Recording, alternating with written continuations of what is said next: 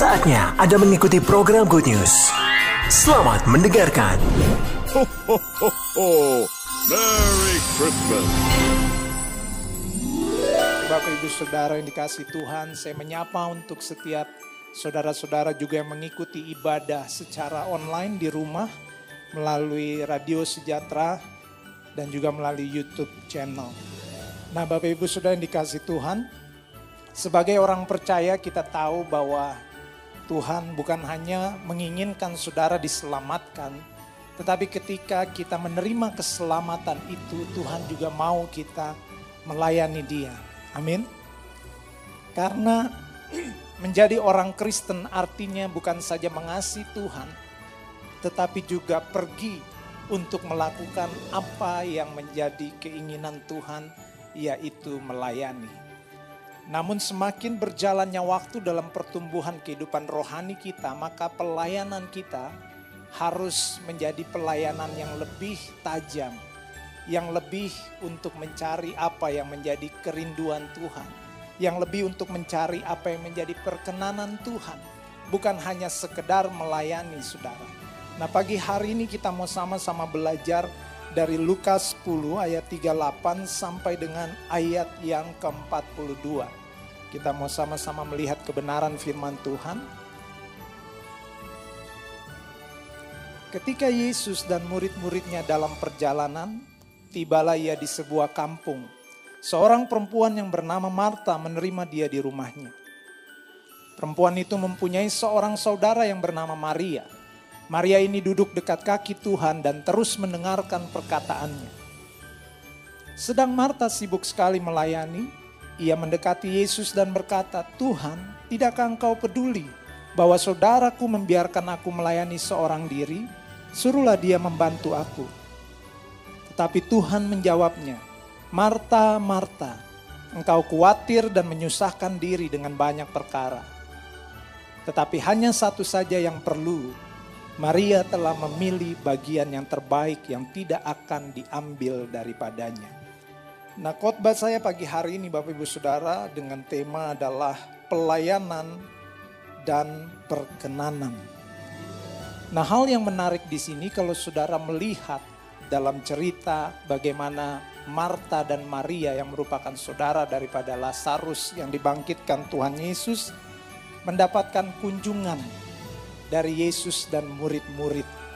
Nah, kalau kita pelajari hal yang pertama di sini adalah bagaimana perhatian Yesus bukan pada pelayanan Marta tetapi pada kerinduan dan ketertarikan Maria untuk mendengarkan Yesus Saudara. Di sini saya tidak katakan bahwa Marta salah. Marta adalah seorang hospitable yang luar biasa. Dia menyambut Tuhan Yesus dan murid-murid yang datang ke rumahnya. Tetapi itu bukan menjadi suatu ketertarikan Tuhan dari apa yang Marta lakukan.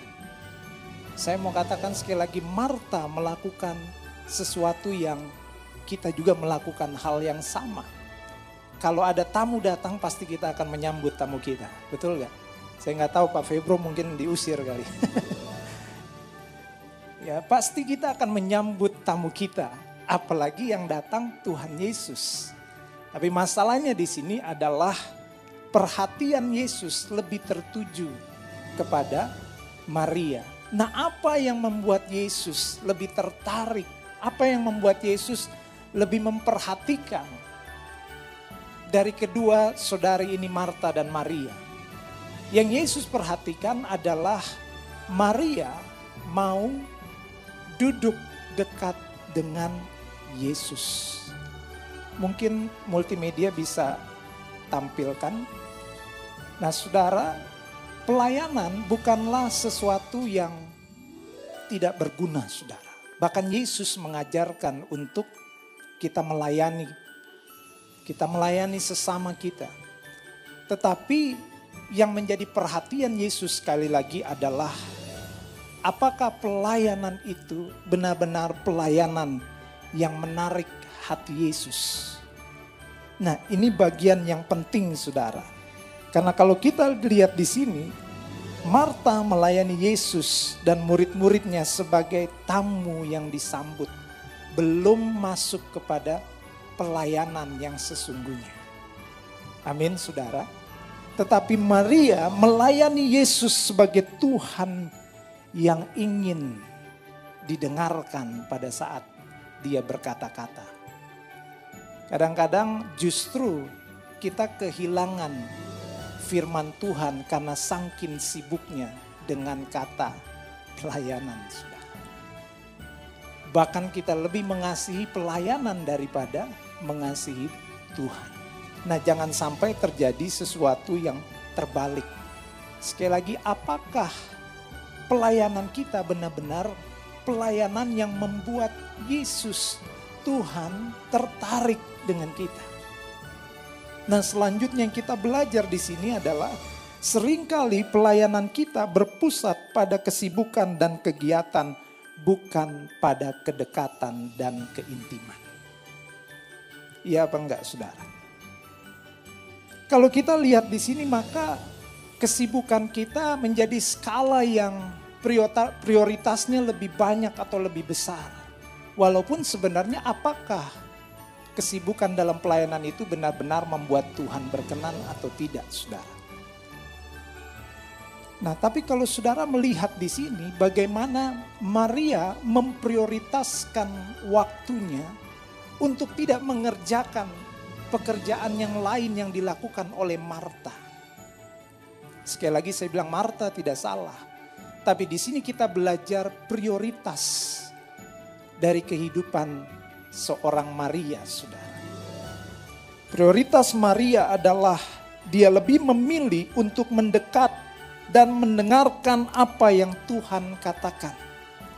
Dibanding melakukan hal yang lain dan ini menunjukkan bahwa lebih penting, lebih berharga duduk dekat mendengarkan Yesus daripada melakukan banyak kegiatan, banyak kesibukan walaupun kita pakai itu sebagai istilah pelayanan. Sudah. Itu sebabnya kalau orang tidak mengerti akan hal ini, orang cenderung bukan melayani Tuhan, tapi melayani pekerjaan Tuhan. Sekali lagi jangan sampai kita membalik situasinya, kita tidak mengerti yang mana yang prioritas yang mana yang penting.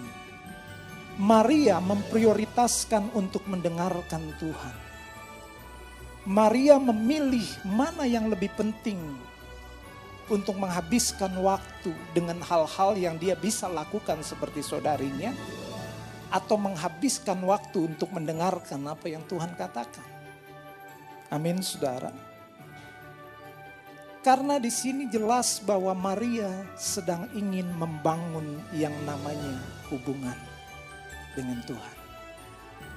Karena selanjutnya kita akan belajar bahwa ternyata dalam melayani kita perlu mengerti isi hati Tuhan sebelum mengerjakan apa yang menjadi pekerjaannya Tuhan.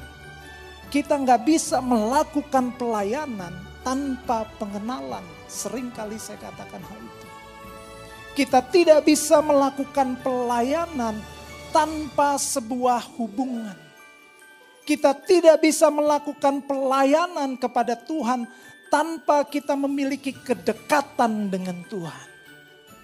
Kalau kita bisa melakukannya, maka saya akan pastikan pelayanan saudara tidak akan pernah menghasilkan buah dan tidak akan pernah menjadi pelayanan yang efektif. Karena dilakukannya berdasarkan rutinitas kebiasaan saudara. Kita perlu membawa hidup kita untuk melayani Tuhan karena terjalin sebuah hubungan dengan Tuhan. Jadi pelayanannya adalah pelayanan yang menyenangkan hati Tuhan bukan pelayanan yang menyenangkan hati saudara atau hati orang lain. Saya percaya kalau kita memprioritaskan pelayanan kita untuk menyenangkan hati Tuhan, maka kehidupan saudara dan orang yang dilayani juga akan bertumbuh di dalam pelayanan saudara. Bukan menjadi sibuk saudara. Bukan menjadi orang yang punya agenda pelayanan yang terlalu banyak. Karena parameter pelayanan yang melayani kepada Tuhan bukan dari kesibukannya. Amin saudara. Tetapi dari kedekatannya sama Tuhan. Mungkin saya akan bilang cukup ekstrim begini. Kadang-kadang kita perlu melayani Tuhan untuk berhenti melayani pekerjaan Tuhan. Nah ini mulai mikir saudara. Maksudnya apa? Maksudnya gini loh. Kita perlu meletakkan pelayanan kita hanya untuk duduk diam dan mendengarkan Tuhan yang memberikan pelayanan kepada kita. Dan pada saat kita duduk diam mendengarkan dia, saudara, sebenarnya di situ bukan saja saudara dilayani Tuhan, tetapi juga Tuhan dilayani. Karena saudara memilih untuk membangun hubungan, untuk intim dengan dia.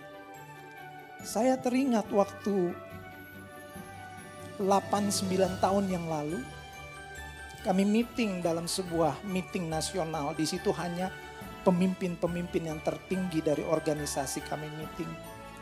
Kami merumuskan untuk struktur yang baru, agenda yang baru, bahkan perencanaan-perencanaan di tahun-tahun ke depan untuk bagaimana membawa YWM Indonesia untuk lebih efektif, maksimal dalam melayani Tuhan. Ini para pemimpin besar semua.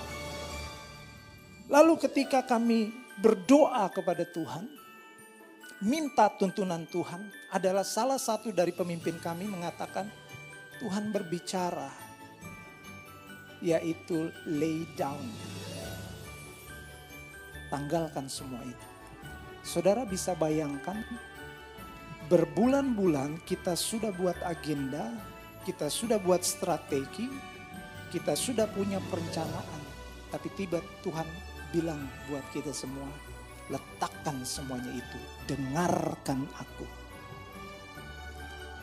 Secara daging ini sesuatu yang menyulitkan. Tetapi kita semua sepakat ini suara Tuhan. Tuhan mau menarik perhatian kita dari kegiatan-kegiatan rutinitas yang katanya pelayanan, saudara. Dan akhirnya berbulan-bulan kita tanggalkan itu semua. Kita merendahkan hati di hadapan Tuhan. Bahkan beberapa kita bertobat karena kita pikir kita punya program, kita punya planning strategi yang luar biasa. Tapi di situ Tuhan menarik perhatian kita semua bahwa kamu udah nggak melihat hatiku lagi, tapi kamu lebih melihat kepada pekerjaan-pekerjaan yang aku berikan kepada kamu. Kamu tidak lagi mendengarkan apa yang menjadi kehendakku. Bahkan kamu sudah mengkultuskan apa itu yang namanya pelayanan, saudara. Nah, saudara, sekali lagi mari kita berhati-hati dengan apa yang kita sebut dalam pelayanan. Karena dalam melayani sekali lagi saya katakan kita perlu mengerti dan memahami isi hatinya Tuhan sebelum kita mengerjakan apa yang menjadi pekerjaan Tuhan. Jangan sampai kita melayani namun kita kehilangan hatinya Tuhan. Marta kehilangan hatinya Tuhan. Dia lebih memilih sibuk melayani Tuhan. Tapi Maria berhenti melayani Tuhan seperti Marta. Dia lebih baik berdiam dekat kakinya Yesus itu berbicara tentang Maria mencari mana yang menjadi perkenanan Tuhan. Amin, saudara. Ini penting untuk kita benar-benar belajar. Kita harus lebih mengasihi Tuhan di atas pekerjaan Tuhan. Pelayanan yang berhasil adalah pelayanan yang dilahirkan karena adanya suatu kedekatan untuk mendengarkan apa yang Tuhan katakan dalam setiap kehidupan kita. Fokus perhatian kita adalah mencari perkenanan Tuhan, bukan mencari perhatiannya Tuhan. Coba kita buka di dalam ayat yang ke-40 Saudara. Di situ Marta bilang kepada Yesus, "Tidakkah engkau peduli?" Betul gak? Bahwa saudaraku membiarkan aku melayani seorang diri. Suruhlah dia membantu aku. Sekali lagi saya katakan, kita harus mencari apa yang menjadi perkenanan Tuhan. Bukan mencari-cari pelayanan saudara. Karena pelayanan itu Tuhan yang memberikannya. Tuhan yang mempercayakannya. Tuhan yang memperlengkapi saudara. Tapi jangan sampai saudara terjebak justru mendekat, melekat intim dengan pekerjaan pelayanan Tuhan dibanding intim dengan Tuhan yang saudara harusnya layani.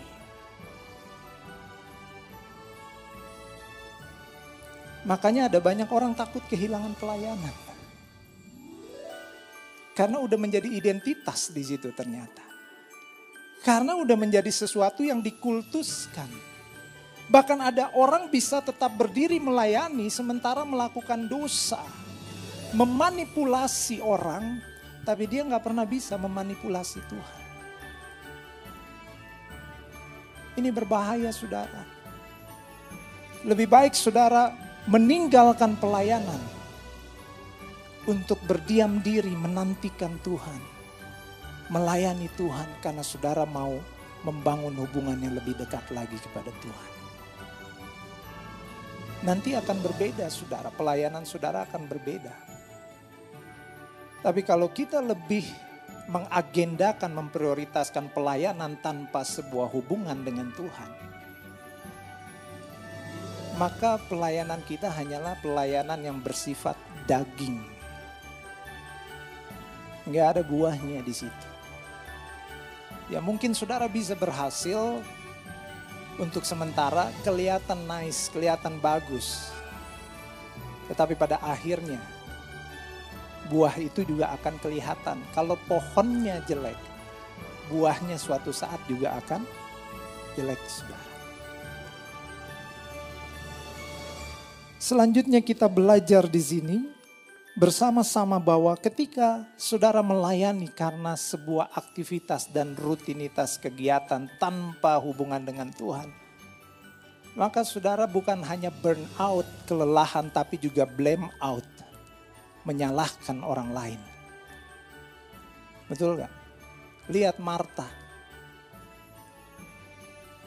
Karena melayani hanya sekedar menjadi apa? rutinitas kegiatan. Jadinya apa? Kelelahan. Burnout. Tapi saya percaya bahwa orang yang melayani karena hubungan dengan Tuhan tantangan sebesar apa pun, pergumulan sebesar apa pun, dia akan tetap semakin berdiri, semakin menyatakan kemuliaan Tuhan. Tapi biasanya orang-orang yang melayani karena status dan identitas ditaruh di situ. Disenggol sedikit, digesek sedikit akan bukan saya yang mengatakannya. Langsung ngegas, langsung keluar, cari pelayanan yang enak. Sekali lagi saudara melayani karena mau mencari perkenanan Tuhan, bukan mencari tempat nyaman dan aman, saudara. Dan kalau ini lahir dari hubungan saudara dan kedekatan saudara akan Tuhan, saudara nggak akan pernah mengalami burnout.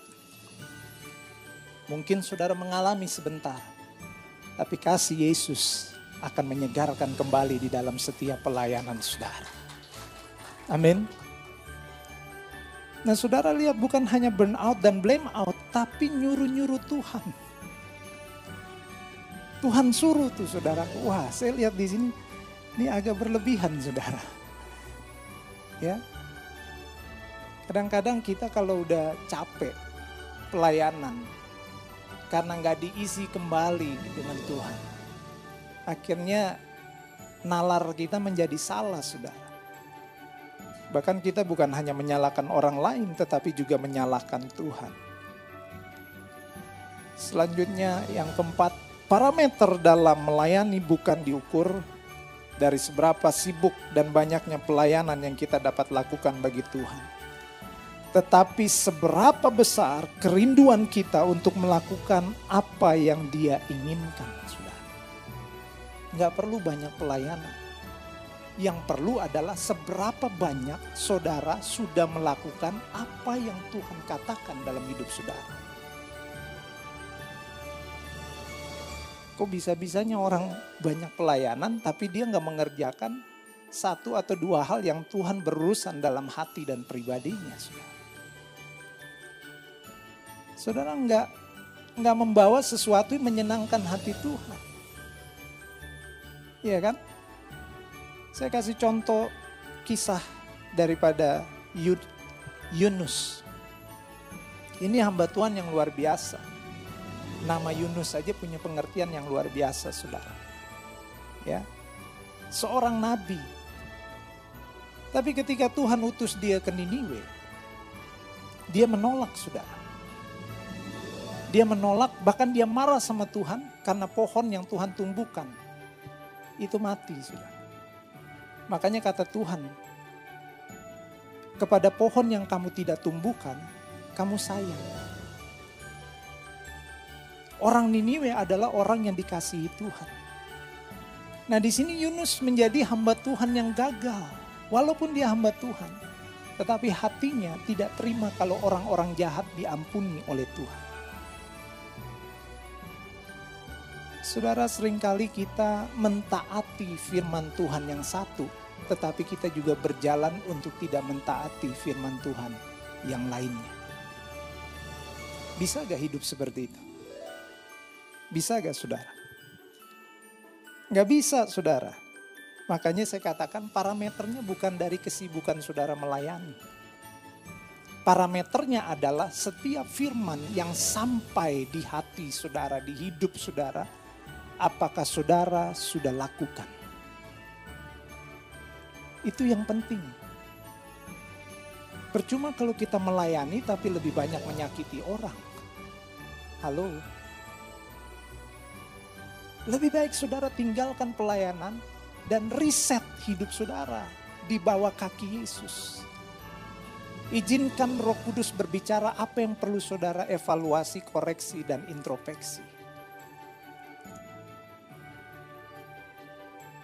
Amin, saudara.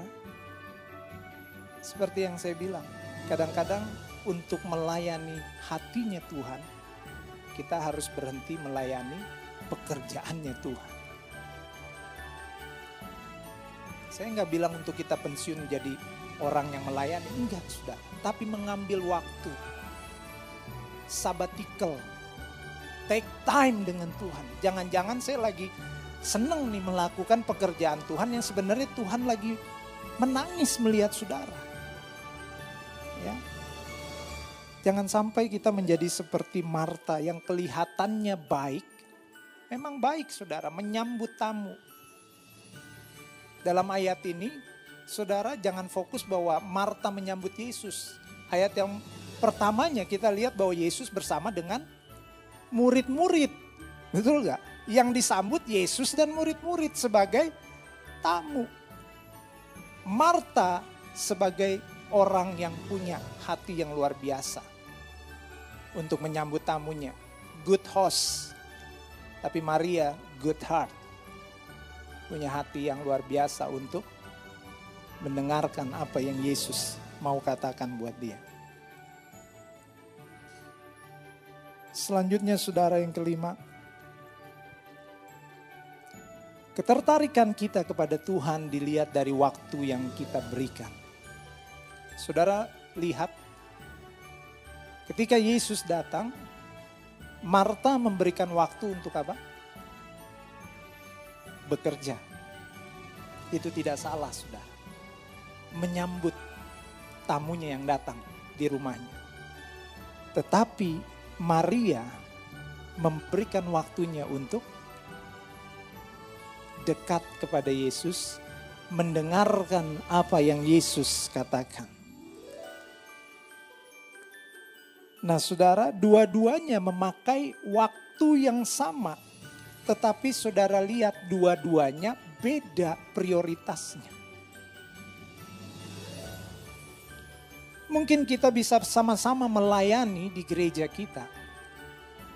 Sama-sama datang beribadah, sama-sama mendengarkan firman Tuhan, tapi kenapa ada hasil yang berbeda? Kalau kita beribadah hanya untuk berpusat kepada memuaskan hidup kita, maka saudara nggak dapat apa-apa.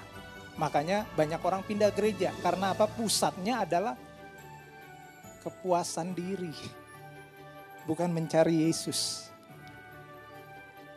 Ya, jadi kalau ada firman yang keras, oh itu buat kamu Mas Febro, bukan buat saya. Tapi kalau ada sesuatu firman Tuhan yang berhubungan dengan berkat, itu saya itu. Tapi bicara soal pikul salib, oh itu Pak Febro aja. Ya. Karena dia udah terbiasa mikul salib. Enggak seperti itu, Saudara. Ya, tidak seperti itu.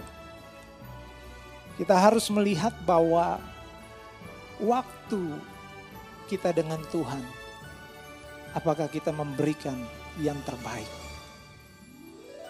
Kita kadang-kadang bisa sibuk dengan hal-hal yang gak penting, yang gak berarti, yang gak jelas. Tapi kenapa kita gak pernah sibuk untuk memberikan waktu kita kepada Tuhan? Ya, bahkan banyak orang lari ke gereja karena lebih senang melayani di gereja untuk apa? Mencari pelarian ternyata. Ada yang seperti itu, aduh di rumah nih istri ngomel terus, lebih baik gue pelayanan aja. ya kan? Ternyata waktu dalam pelayanan lebih parah lagi, Tuhan hajar benar-benar. Ya.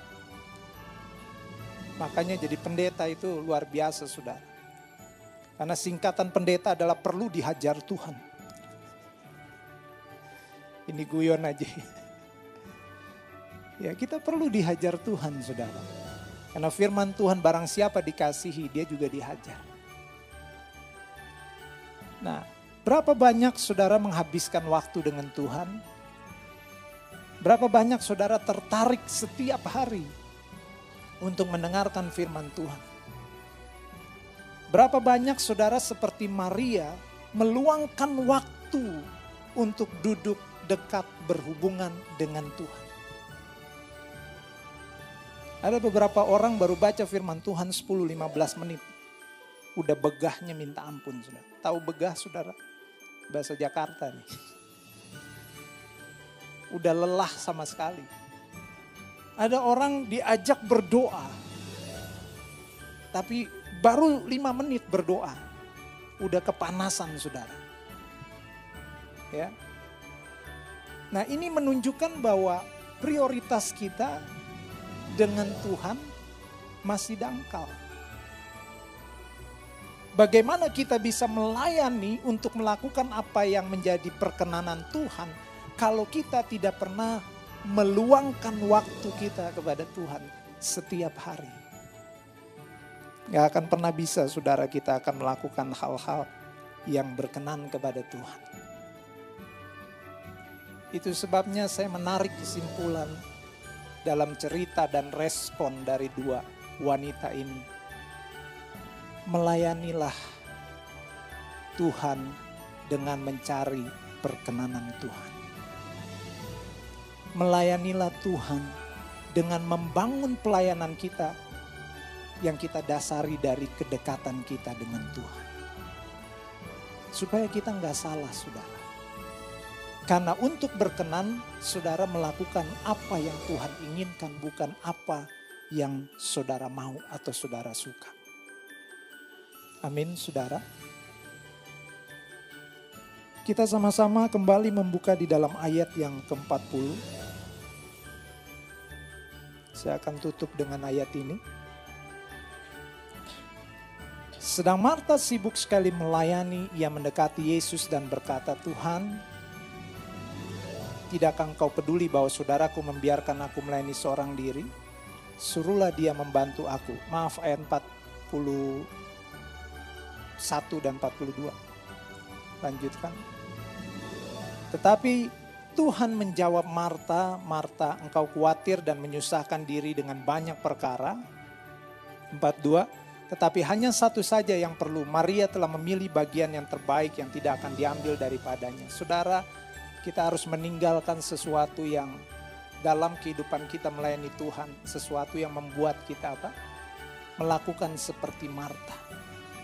Tinggalkan itu semua. Kalau pelayanan saudara membuat saudara jadi sakit hati, pelayanan saudara membuat saudara tidak maju secara rohani, pelayanan saudara hanya sekedar melakukan pelayanan-pelayanan yang bersifat rutinitas, kebiasaan, dan justru saudara mengalami kekeringan dalam hal itu, hentikan hal itu saudara.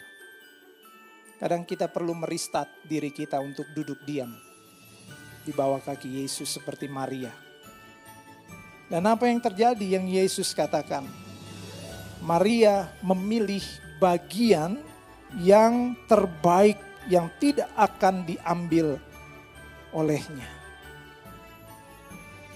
saya menyimpulkan di sini bagian yang terbaik yang tidak akan pernah diambil dalam kehidupan kita yaitu adalah quality words. Perkataan Allah, firman Allah yang Tuhan katakan dalam hidup kita itu tidak akan pernah bisa diambil dalam hidup kita. Itu menjadi suatu kekuatan, menjadi sauh yang teguh dalam kehidupan kita yang menolong kita untuk bertumbuh, menolong kita untuk menjadi dewasa, menolong kita untuk melakukan apa yang berkenan kepada Tuhan. Karena ketika Yesus berkata-kata dan Maria duduk di situ, itulah quality words, itulah perkataan firman. Yang kedua adalah quality heart, kerinduan akan Allah yang Maria tunjukkan kepada Yesus. Itu akan memampukan dia menyerap apa yang menjadi perkataan firman Tuhan di dalam kehidupannya. Saudara dan saya perlu memiliki quality heart dalam kehidupan kita. Milikilah hati yang berkualitas untuk menyerap apa yang firman Tuhan katakan dalam kehidupan kita, untuk menyerap apa yang menjadi kehendak Tuhan, untuk menyerap apa yang menjadi keinginan Tuhan di dalam kehidupan kita. Karena tanpa semuanya itu pelayanan kita sia-sia, saudara. Dan kalau saudara memiliki kualitas hati yang luar biasa, itu tidak akan pernah diambil dalam hidup saudara. Situasi kondisi coba menarik hidup saudara, tapi karena kualitas hati saudara itu nggak akan pernah bisa mengalahkan saudara. Dan yang ketiga adalah quality time. Bicara tentang hubungan kembali, kedekatan kepada Allah. Apakah kita punya kualitas waktu dengan Tuhan yang baik dalam hidup kita? Karena ketiga hal ini akan menolong saudara untuk melayani Tuhan. Pelayanan yang berkenan bagi Tuhan.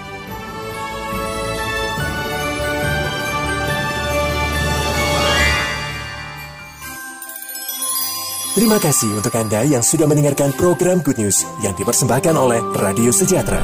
Untuk Anda yang rindu mendapatkan layanan konseling dan dukungan doa, silakan menghubungi hotline 0812 33 33 6392. Para konselor dan para pendoa Diaspora Sejahtera Caring Ministry siap untuk melayani Anda. Tuhan Yesus memberkati. Ho, ho, ho, ho! Merry Christmas!